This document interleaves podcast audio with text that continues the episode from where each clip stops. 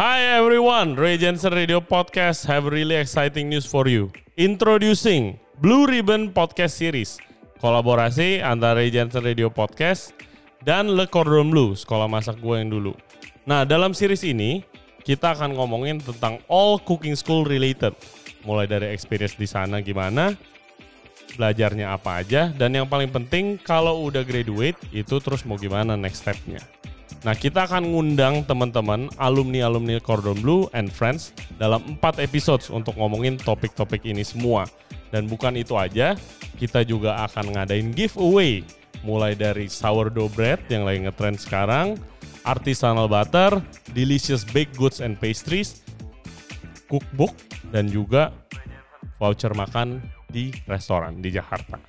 Nah, for more information, please check out our Instagram for further updates. Instagram kita ada di @rayjohnson_radio. Oke okay, guys, so without further ado, ini adalah first episode of the Blue Ribbon series. Please welcome from Akta Restaurant and Brasserie, Chef Rui Yamagishi. Hai guys, welcome back to Ray Jensen Radio Podcast. Sekarang kita akan ngobrol-ngobrol tentang sekolah masak bersama Chef Rui Yamagishi dari Akta Restoran. Dia adalah chef owner. Kalian yang belum pernah dengar atau belum pernah ke Akta, ya ini restorannya ada di lapangan golf di Senayan. Yeah, The very beautiful restaurant and full of delicious food. Oke, jadi episode kita kali ini kita akan ngomongin tentang pengalamannya Chef Rui waktu dia coming up uh, mulai culinary journey-nya itu sekolah masak di Le Cordon Bleu. Oke, okay, dan juga perjalanan karir dia gimana. Oke, okay, welcome to the show Rui. Halo, halo. Apa kabar lu? Baik, Pertama, baik, congratulations baik. on the last week event. Wah, thank you, thank you. Very successful event. Thank uh, you for uh, coming. Iya. Dan uh, gua happy lihat restoran busy yeah, dan yeah, ketemu yeah. teman-teman chef lagi. So, Wi, kita mau ngomongin awal karir lu. Oke. Okay, lu itu mulai decide lu pengen jadi chef itu kapan? Gua jujur kalau misal decide menjadi chef sih waktu SMA. Hmm. Ya jadi memang dari awal juga bu gue bukan yang suka masak gitu. Gue lebih ke olahraga gitu kan. Hmm. Terus habis itu karena gue ngerasa uh, setelah gue lulus itu gue mau ngapain ya gue bingung dan gue memang uh, nyokap emang suka masak. Jadi gue suka bantu dan gue juga suka bikin-bikin kue dulu hmm, karena nyokap uh, suka ngajarin juga. Nah dari situ gue rasa wah kayaknya boleh nih kayak gue belajar masak gitu. Hmm. Nah dari sana gue uh, mau apply ke Jepang sebenarnya. Hmm, gitu. Karena lu itu setengah Jepang. Iya, yeah, I was born in Japan but grew up in Bali. Hmm. Terus uh, nyokap juga ya gue ada saudara banyak di Jepang, jadi gue ngerasa wah kayaknya boleh nih gue sekolah masaknya di Jepang. Hmm. Uh, dari situ dan waktu itu gue inget ada uh, Cordon Bleu datang seminar lah gitu hmm. ke sekolah gue. Nah hmm. dari situ gue ada ketertarikan juga gitu. Itu Cordon Bleu yang di Sydney. Hmm. Nah dari sana gue kayak ngelihat wah kurikulumnya lebih baik gitu, lebih hmm. bagus karena waktu gue dulu gue tuh belum tahu ternyata Cordon Bleu itu ada di Jepang. Hmm. Gue justru mau ke sekolah namanya Hattori. Gue udah sampai uh, eh, gue udah sampai tes, tes kan harus Japanese language test dan segala macam udah lulus, udah mau berangkat sebenarnya. Terus gue denger nih sekolah Cordon Bleu dan gue lihat kurikulumnya dan gue lihat memang uh, dari yang gue lihat praktikalnya lebih banyak gitu. Hmm, hmm. Gue emang orangnya lebih suka praktek gitu. Iya, iya, iya, iya, iya. iya. Biasanya yang sekolah uh, chef itu iya, gak demen teori. Iya, benar, benar. Gue uh. gue emang gak yang ke akademis lah gitu. Gue lebih pengen yang prak praktikal. Jadi hmm. dari sana gue lihat dan uh, kurikulumnya bagus banget. Hmm. Uh, nah dari sana gue muncul ya udah. Terus di Aussie sendiri, lu bisa part time. Hmm. Jadi di sana gue ngerasa wah gue bisa kerja sambil sekolah gitu. Eh hmm. sorry sekolah sambil kerja kebalik ya. sekolah sambil kerja, hmm. uh, which is gue ngerasa ya it's a good thing. Jadi gue bisa nyari pengalaman plus gue nggak usah ngerepotin orang tua gue gitu, bayarin hidup gue di sana. Hmm. Kalau di hmm. Jepang memang ada part time, cuman emang gaji tidak akan sebesar di yeah. Australia. Kalau di Australia sih emang kalau karir di dapur gitu bener. get paid uh, compensated yeah, iya, lumayan yeah, yeah, oke okay yeah. lah ya. Benar benar. Gue hmm. gue gue setuju banget sih. Hmm. Nah, dari situ akhirnya gue decided to go to Le Cordon Bleu in Sydney. Hmm. Terus uh, ya awal gua masih bingung tuh mau ngambil grand diplom, Hmm. cuisine or patisserie gitu Hmm, kan. Oke, jadi bentar, gue jelasin Ah, dulu ke boleh. listeners kita. Jadi Cordon Bleu, guys, kita berdua ini eh, lulusan sekolah LCB. Iya. gue di Paris dan Rui di Sydney. Nah, program-programnya itu pertama ada kayak semester satunya lah, itu Hmm. namanya basic. Iya. Di mana itu kita belajar teknik-teknik yang simple. Ya kan, dari teknik motong, Iya, teknik benar-benar. apa teknik ngerebus, Ngerebus, gimana iya, ngegoreng iya. yang benar. Nah, intermediate kita lebih belajar lebih susahnya lagi, eh, teknik yang lebih advance. Nah, superior itu yang paling gimana ya, yang paling advance lah. Iya, Jadi iya. yang paling eh, makanannya pun udah makanan Iya, internasional. iya, benar. contohnya dengan teknik-teknik yang kalau kalau gua waktu dulu masuk sekolah, Iya. terus gue dikasih lihat sama chef gua ini kelas superior. Mm-mm. Gue nggak kebayang gila gimana gue masak kayak Iya, gitu. iya. Dan lu sendiri harus create your own dish kalau nggak salah Iya, terakhir. Iya, terakhir, ah, ah. terakhir ya. Itu yang paling paling seru sih menurut Iya, gua iya, lulus iya, lulusannya. iya, So, Rui, gimana pengalaman lu waktu lu pertama kali masuk sekolah masak? Buat Eh, listeners kita mungkin yang lagi pengen Iya, iya. Jadi mulai sekolah masak. eh di Cordon Bleu ya pertama basic, Hmm. lu tiga bulan basic itu lu benar-benar ya seperti kurikulumnya basic belajar apa pun yang eh, yang apa ya fondasi Hmm. masak gitu gua rasa dan Cordon Bleu sendiri kan memang eh, kental dengan eh, masakan Prancis ya udah Hmm. Jadi ya lu dikasih teknik eh, potong julienne dan Hmm. segala macam lah itu dan Hmm. lu bikin-bikin stok. Memang awal-awal gua ngerasa ya lu knife skill lu datang dari maksudnya lu belum pernah masak gitu kan.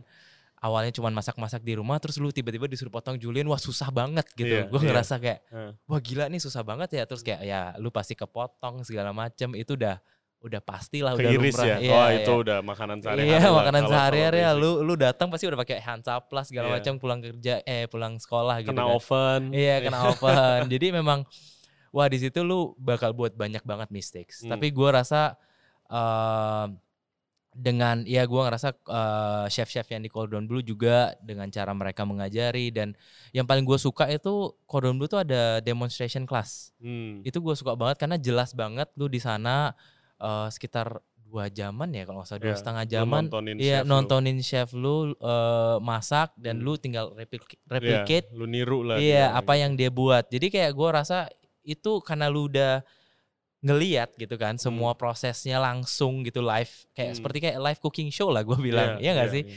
kayak maksudnya itu juga entertaining banget gitu dan di sana setelah itu gua, lu uh, masuk ke dapur udah sampai pulang gitu maksud gue teori cuman sejam Heeh. prakteknya bisa tiga jam gitu Iya, dan Iya. dan what what's your uh, apa most difficult task waktu basic? Gua itu waktu dish ikan.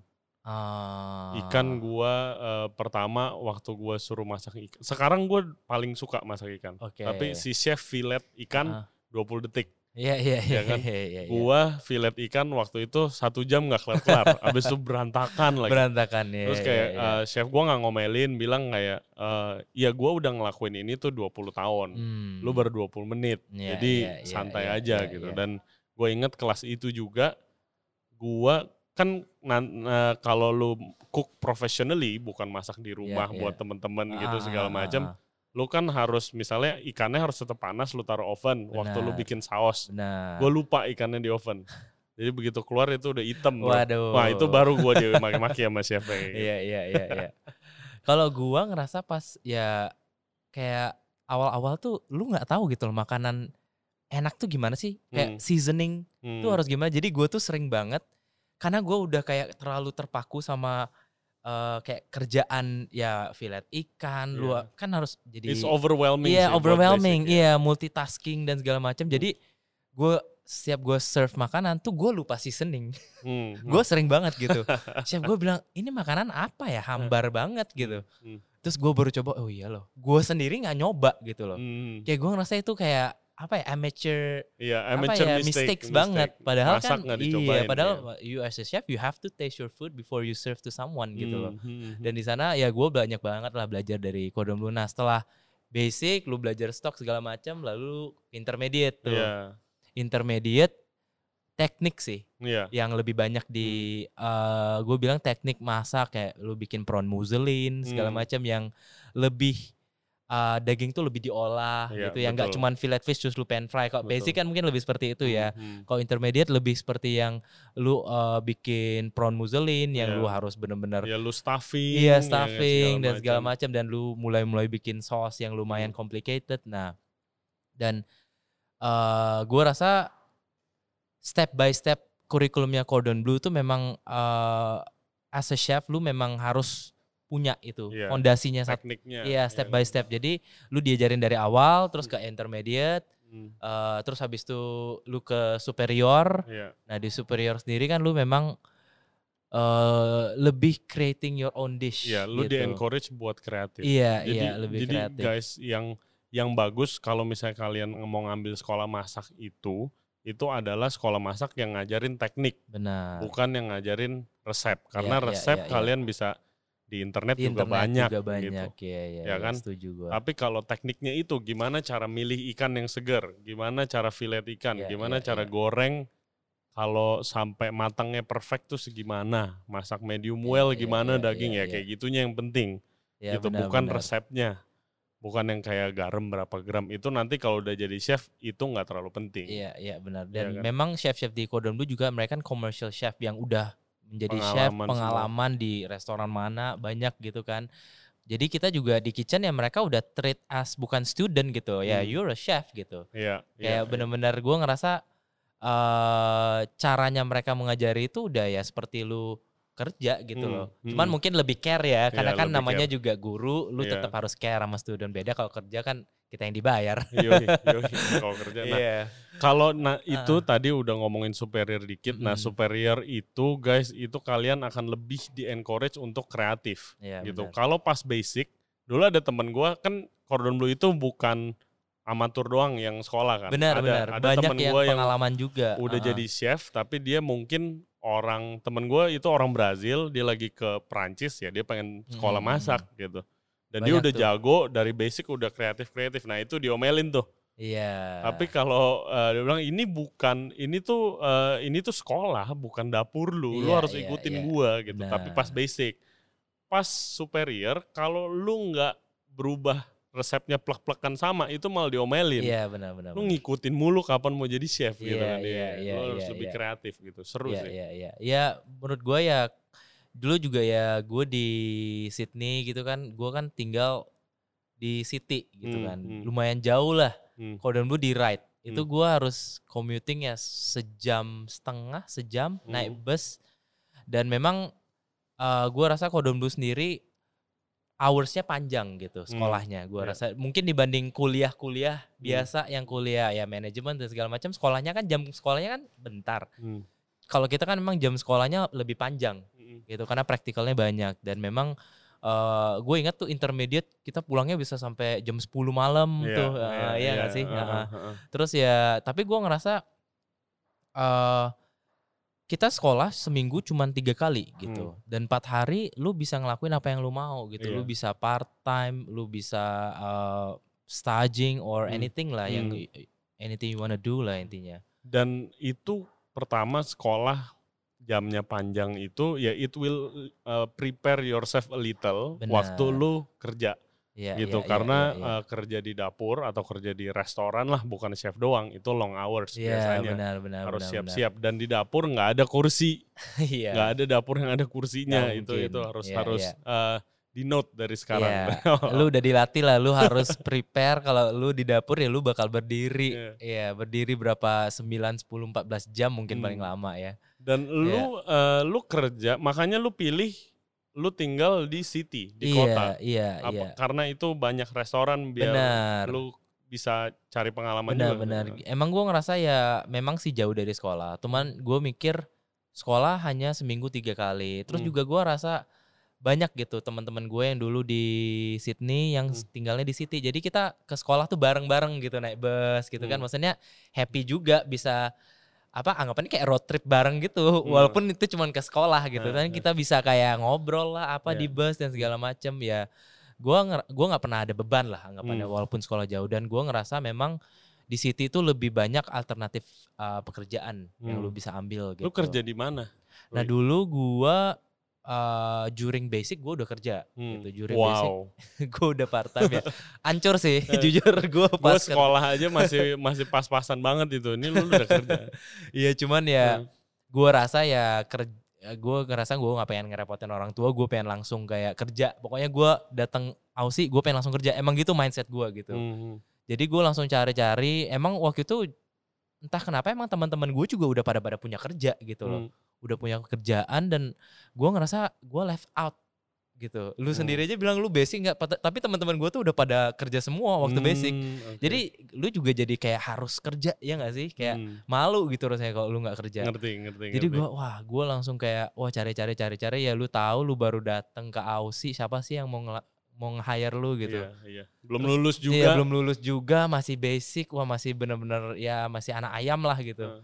terus tapi akhirnya gue apply apply keterima lah gue di restoran di bawahnya Opera House Hmm. iya di deretan Opera House sana lah gitu Restoran turis tuh. Iya, turis, tuh. restoran turis banget yang high intensity, high pressure karena tamunya tuh nggak pernah berhenti gitu Hmm. kan. Namanya juga tempat wisata gitu Iya. kan di Aussie. Jadi semua orang juga kalau ke sini pasti pengennya ke Opera House gitu Udah kan. pasti. Udah pasti. Jadi ya mereka makannya ya di restoran yang ada di pinggir pinggir eh, apa jalan Iya. itu gitu. Ya gue kerja di sana, gue ya sebagai cook gitu eh, dibayar part time. Cuman ya awal-awal susah banget sih. Hmm. Maksudnya gue rasa sekolah susah, kerja Oh, itu wah ada apa-apanya. gua double triple sih susahnya dan Hmm. lu pressure banget. Yang di mana sampai gue eh, tiap hari kerja tuh takut gitu, Hmm. takut dalam artian gua, lu bingung lu harus ngapain Hmm, hmm. lu bingung lu eh, misal pas operasional rame lu harus gimana dan ya iya. under pressure banget gue Iya, bilang betul, betul. cuman ya di sana pelajarannya gitu lu sebagai eh, apa namanya beginner lah gitu di di dunia masak ini lu memang harus mengalami ini Hmm. kalau nggak lu nggak bakal apa ya lu nggak bakal eh, strong gitu loh Iya. ke depannya Iya, iya, gitu. iya. Gue gue juga suggest makanya gue kalau Iya. misalnya ada yang uh, biasa anaknya temen nyokap atau Mm, siapa mm, gitu, mm, oh mm. ini mau ngambil sekolah masak nih, iya iya iya gitu iya. kan. Terus uh, ke gua, gua sarankan untuk kayak ada gak kenalan punya restoran, Heeh. lihat dulu deh, nggak usah kerja, Benar, tapi di dapur lihat dulu, karena itu pressure-nya paling enggak jadi kebayang dikit benar gitu loh. benar dan gua aja itu sebelum gua berangkat ke eh, eh, Sydney gua tuh udah sempet magang tiga bulan di restoran teman gua di eh teman mami gua di Bali Hmm, dan itu aja gua ngerasa susah tapi karena gua ngerasa ya gua kan nggak dibayar di sini Iya. jadi gua kayak lebih kayak santai gitu Hmm. bawaannya terus once you kayak ya udah lu udah di hire sama orang oh tuh beda lagi pressure-nya lu kayak beda. gua lu langsung jauh. kayak wah. Maksudnya gue gua waktu itu kan mikir oh biar gue ada bayangan nih di kitchen kayak apa. Gue Hmm. pikir oh kayak gini wah santai lah gitu. Hmm. Terus tahunya gue kerja wah beda banget Iya. lu kayak dikit salah dimaki lah apalah Hmm. omongan kasar pasti keluar dan segala Hmm, macem hmm. ya memang Ya. ya as a chef lu As lu chef harus terima itu semua lifestyle-nya. ya lifestyle-nya gitu. tapi uniknya maksudnya salah satu yang bikin gua makin apa ya makin suka sama nik dunia F&B itu begitu servis itu udah kayak perang Iya iya Ya kan, iya, udah iya, kayak iya. perang. Benar benar ya kan kayak tadi lu bilang ada kadang-kadang kata kasar apa Iya, segala iya, macam iya, kalau iya, lu iya. salah tapi begitu udah restoran servis udah over Iya. misalnya dessert udah keluar atau Iya, apa itu iya. udah beda tuh udah Benar, santai benar. kita nongkrong di depan Iya, bareng-bareng iya, ketawa iya, iya, lagi iya, iya. gitu segala macam jadi whatever happen in Hmm. that service nggak pernah misalnya besokannya eh lu kemarin ya gitu Iya, udah udah iya, nggak iya. pernah Udah udah Udah. nggak bisa lah kayak gitu, Iya, nggak ha. bisa baper lah intinya. Iya, nggak bisa baper lah. Ah, ah, Iya. ah. Ya terus gua tuh sempat di superior tuh gua ikut competition. Gue Hmm, inget tuh. hmm. Eh, Itu gimana ceritanya? Apakah eh, dari eh, chef di Cordon Bleu bilang eh lu mau gak lu nawarin? Iya iya apa?" benar-benar. Jadi memang eh di Cordon Bleu sendiri memang di, eh, lumayan apa ya aktif di luar sekolah juga gitu. Hmm. Mereka pasti nyari connection. Dan eh, ini kemarin ada kalau nggak salah Australian Culinary Challenge. Hmm, Nah itu memang kita ditawarin. Jadi yang mau boleh daftar. Nah akhirnya gue daftar tuh. Eh, kalau nggak salah temanya banyak. Ada poultry, ada fish, Hmm. ada meat gitu. Jadi gue kalau nggak salah kemarin ngambilnya fish, seafood lah gitu. Nah di situ memang dari awal gua bilang gua mau ikut. Nah chef ada akan ada satu chef yang akan membimbing lu gitu. Hmm.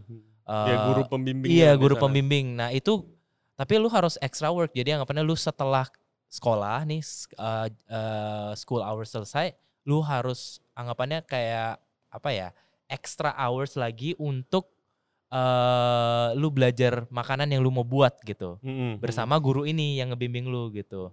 Ya di sana lu bener-bener gua kalau nggak salah preparationnya dua mingguan. Dua mingguan lu setiap habis pulang sekolah, lu masuk dapur lagi di mana ada dapur kosong gitu, kita pakai, terus kita, uh, gua kayak bilang gua pengen masak begini.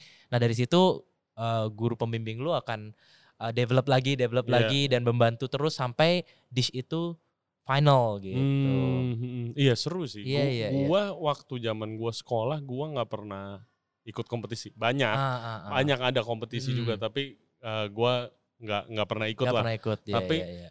Kalau gua seingat gua itu sering ada hampir tiap minggu eh, karena gua di Paris, Ah, ah. gua itu di Paris itu kan culture-nya sama makanan tuh kan pokoknya apa-apa harus ada makanan yang benar gitu segala macam. benar, ya, ya. orang Food ba- Prancis food gitu. banget lah ya Food di banget sana. dan Banyak banget food festival ya, ya, ya. yang butuh helper-helper. Hmm. Nah selalu di Cordon Bleu di tamannya itu dipasang mading kayak Oh volunteer gitu berarti volunteer. ya? Iya, siapa Ah, nih? oke, ini oke. ada acara ini.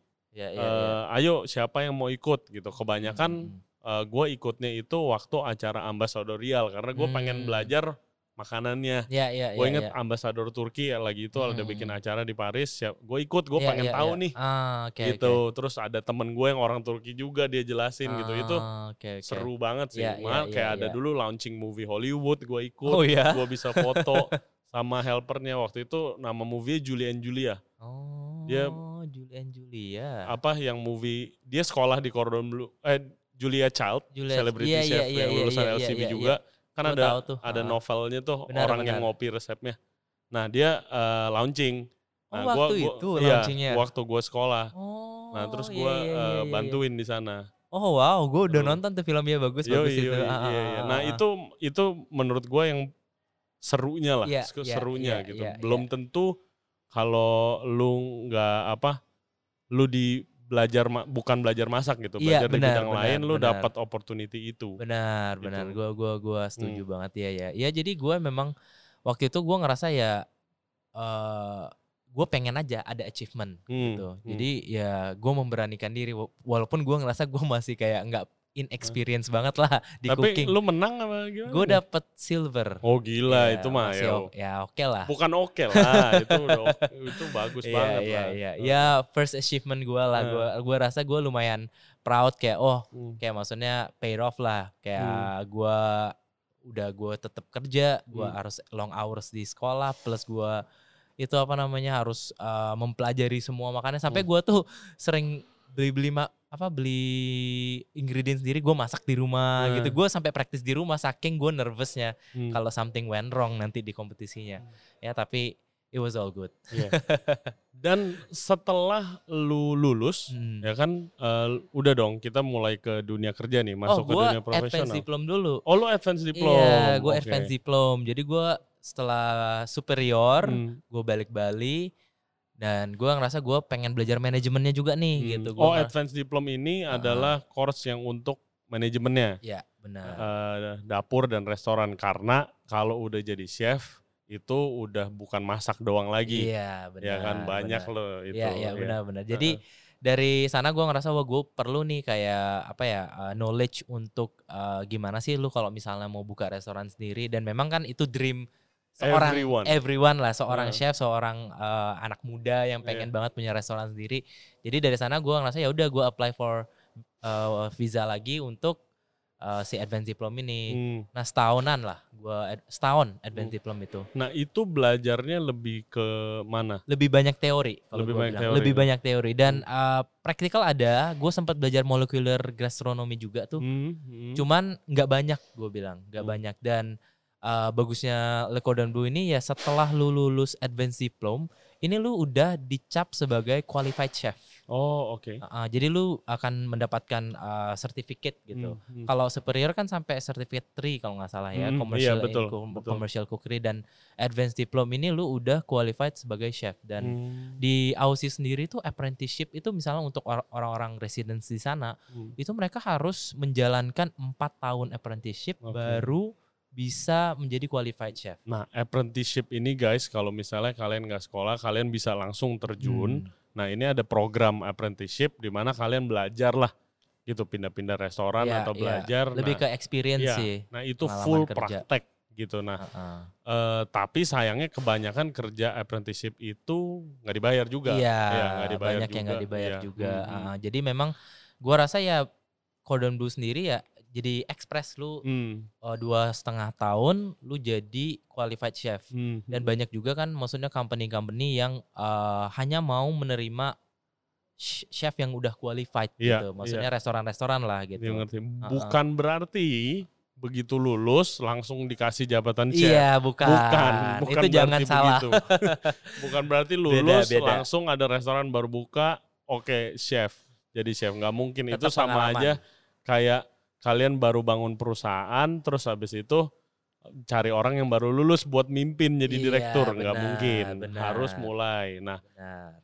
pengalaman lu mulai kerja meniti karir dari eh, bawah itu gimana Jadi ya gue setelah advance, gue emang di advance juga banyak part time gitu Hmm. ya. Gue emang part time di beberapa tempat lah. Gue ada dua tempat sekaligus gitu. Ya yang satu for the money, yang Hmm. satu for the experience. Mm. Even though it's kayak hard gitu lah. Maksudnya lu sekolah tiga hari seminggu empat hari lu full time bener-bener gua lu habis kerja. Gue gua tuh dulu sempat kerja di Ipudo. Ya, Ipudo ramen ya Ipudo ramen. Jadi gue pagi ke Ipudo, jam 3 kelar langsung jam 4 tuh gue ke restoran ini ada namanya restoran Blancaru. Belancaru Iya itu tuh French Japanese French Hmm. dan chefnya dia chefnya tuh uh, lulusan dari Robuchon di Jepang. Hmm. Yo Robuchon. Jadi dia dulu sous chefnya Oke. dan dia buka restoran lah di sana. Dan ini juga restoran baru gitu. Dan gue rasa ya mak emang gue ngerasakan gue juga orang Jepang dan Mm-mm. gue juga belajar sekolah Prancis dan gue dapat gue pengen dapat kerja yang ya itu uh, Japanese French which is Yeah. ya gue ngerasa wah ini cocok banget nih sama cuisine gue gitu. Mhm. Nah di situ gue uh, jadi ngerasa kayak wah pengen belajar nih sama chef yang apalagi Hmm. lulusan Joel Robuchon siapa sih yang nggak Yes. tahu gitu kan. Yes, yes. Akhirnya gue di sana dari jam 4 si sore sampai closing gitu. Hmm. Jadi bener-bener gue ikut service sama prep sedikit. Oke. Uh, uh, nggak nggak. Jadi guys, eh, kalau kalian ini udah mau kerja nih ke lapangan masuk ke lapangan pekerjaan itu kalau chef itu ada dua tipe. Yang satu itu lebih ke belajar dan untuk pengalaman kayak Chef Rui tadi di Belancaru. Ya, benar. Nah, restoran fine dining itu biarpun makanannya mahal, restoran keren, itu tuh biasanya digajinya kecil Iya. benar. kalau ada gaji.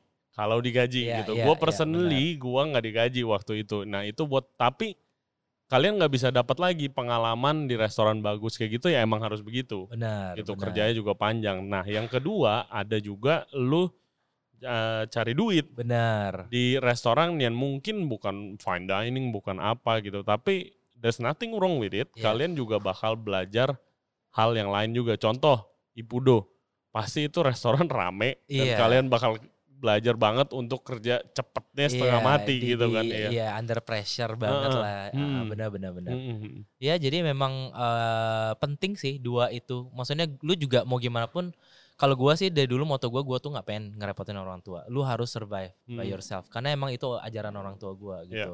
Gua kasih lu eh, duit buat sekolah, eh, lu di sana tinggal ya lu sendiri gitu. Mm-mm. Jadi dari sana gue emang mindset gue tuh harus wah gue tuh harus uh, survive Yeah. whatever it is.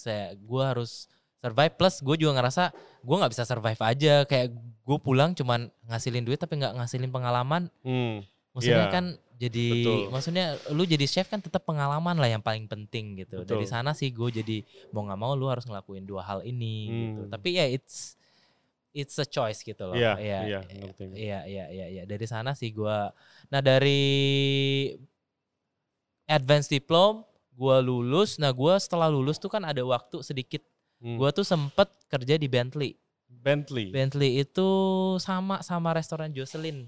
Dia satu Hmm, grup sama Yellow. Oke. Ya, Chef Yellow. Jocelyn ini yang belum lama baru datang ke podcast kita. Iya, iya. Dia memang sempat di Yellow dan waktu itu gua itu di uh, main restorannya Bentley itu restoran pertamanya mereka Hmm. dan mereka baru reopening di City. Jadi gua Hmm. apply. Di sana gua gila, gua sampai mau nangis rasanya kerja. gua dan nggak gua doang yang ngerasa gitu. Ada gua lihat PC chef gua, cewek saking under pressure-nya sampai nangis-nangis sebelum operasional. Hmm. Saking under pressure-nya karena udah nggak kuat tahan pressure. Hmm, hmm. Eh, karena gua ngerasa itu restoran baru, chef owner Oh iya. chef owner udah pasti labornya di Eh. push banget jadi kayak lu kerja yang harusnya mungkin manpower lu harusnya mungkin 15 orang dijadiin cuma tujuh orang Hmm. which is lu harus kerja triple double dari biasanya gitu Iya, yang lu uh-uh. wah dikejar preparation dan di Bentley sendiri tuh memang makanannya banyak molekular Hmm. dan di satu resep tuh ada 10 resep lain yang harus lu buat Iya. sampai mencapai resep final itu Hmm. dan gue ngerasa itu gila wah capeknya bukan main gue kerja tuh bisa 12 sampai 14 jam Hmm. Itu waktu itu gue udah selesai sekolah makanya gue bisa Yes. ker- kerja full gitu sebelum gue balik gitu kan Hmm. tapi gue rasa ya udah gue hajar deh Eh, gua- lu cuman libur seminggu sekali Hmm.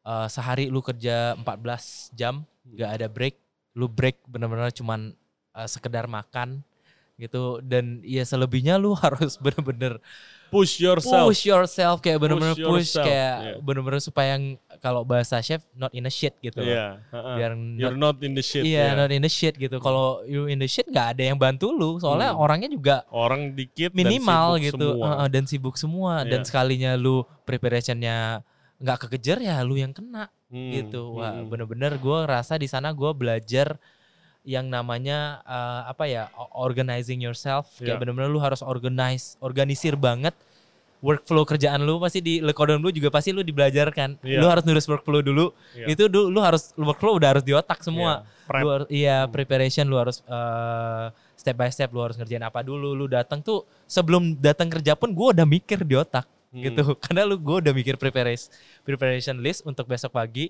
malam tuh sebelum tidur pasti gue mikir gue harus bikin apa aja ya besok Iya. Gua- lu udah harus mikir kalau enggak lu in the shit gitu Iya, itu Segitu itu gila. Gua parahnya. juga juga me- melalui itu melalui itu iya Melalui iya itu, ya, maksudnya lu di rumah pun lu mikirin kerjaan karena lu Hmm. nggak pengen di kerjaan lu lu keteteran gitu Hmm, hmm. keteteran tuh nggak enak banget iya, terus nggak enak banget belum lagi Iya, iya. omel-omelinnya. Ya kan? benar benar benar Nah, guys, jadi kalian kan udah denger nih journey-nya Chef Rui yang ini dari awal nih yang masih coming up, masih Iya, susah, iya, masih iya. di bawah. Gue yakin juga itu banyak cerita maki-makiannya juga karena salah. banyak ya? Nah, pasti tapi eh, di next episode itu kita akan ngomongin tentang Chef Rui perjalanan berikutnya setelah pulang ke Indonesia gimana sampai bisa punya restoran sekeren Akta Brasserie ini, ya kan? Nah, jadi ya hard work pay off, Pay ya off, hard ya, work pasti pay off, pasti ya kan? So guys, Ah.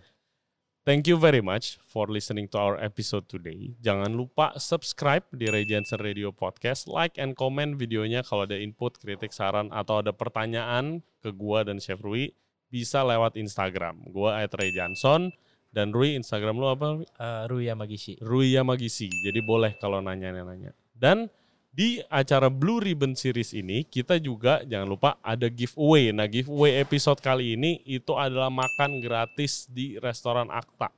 Makannya enak-enak dan kalian bisa langsung ketemu sama sama Chef Rui Wah. nanya-nanya. Oke guys, siap so siap thank you very much for listening. We'll see you next time. Bye bye. thank you bye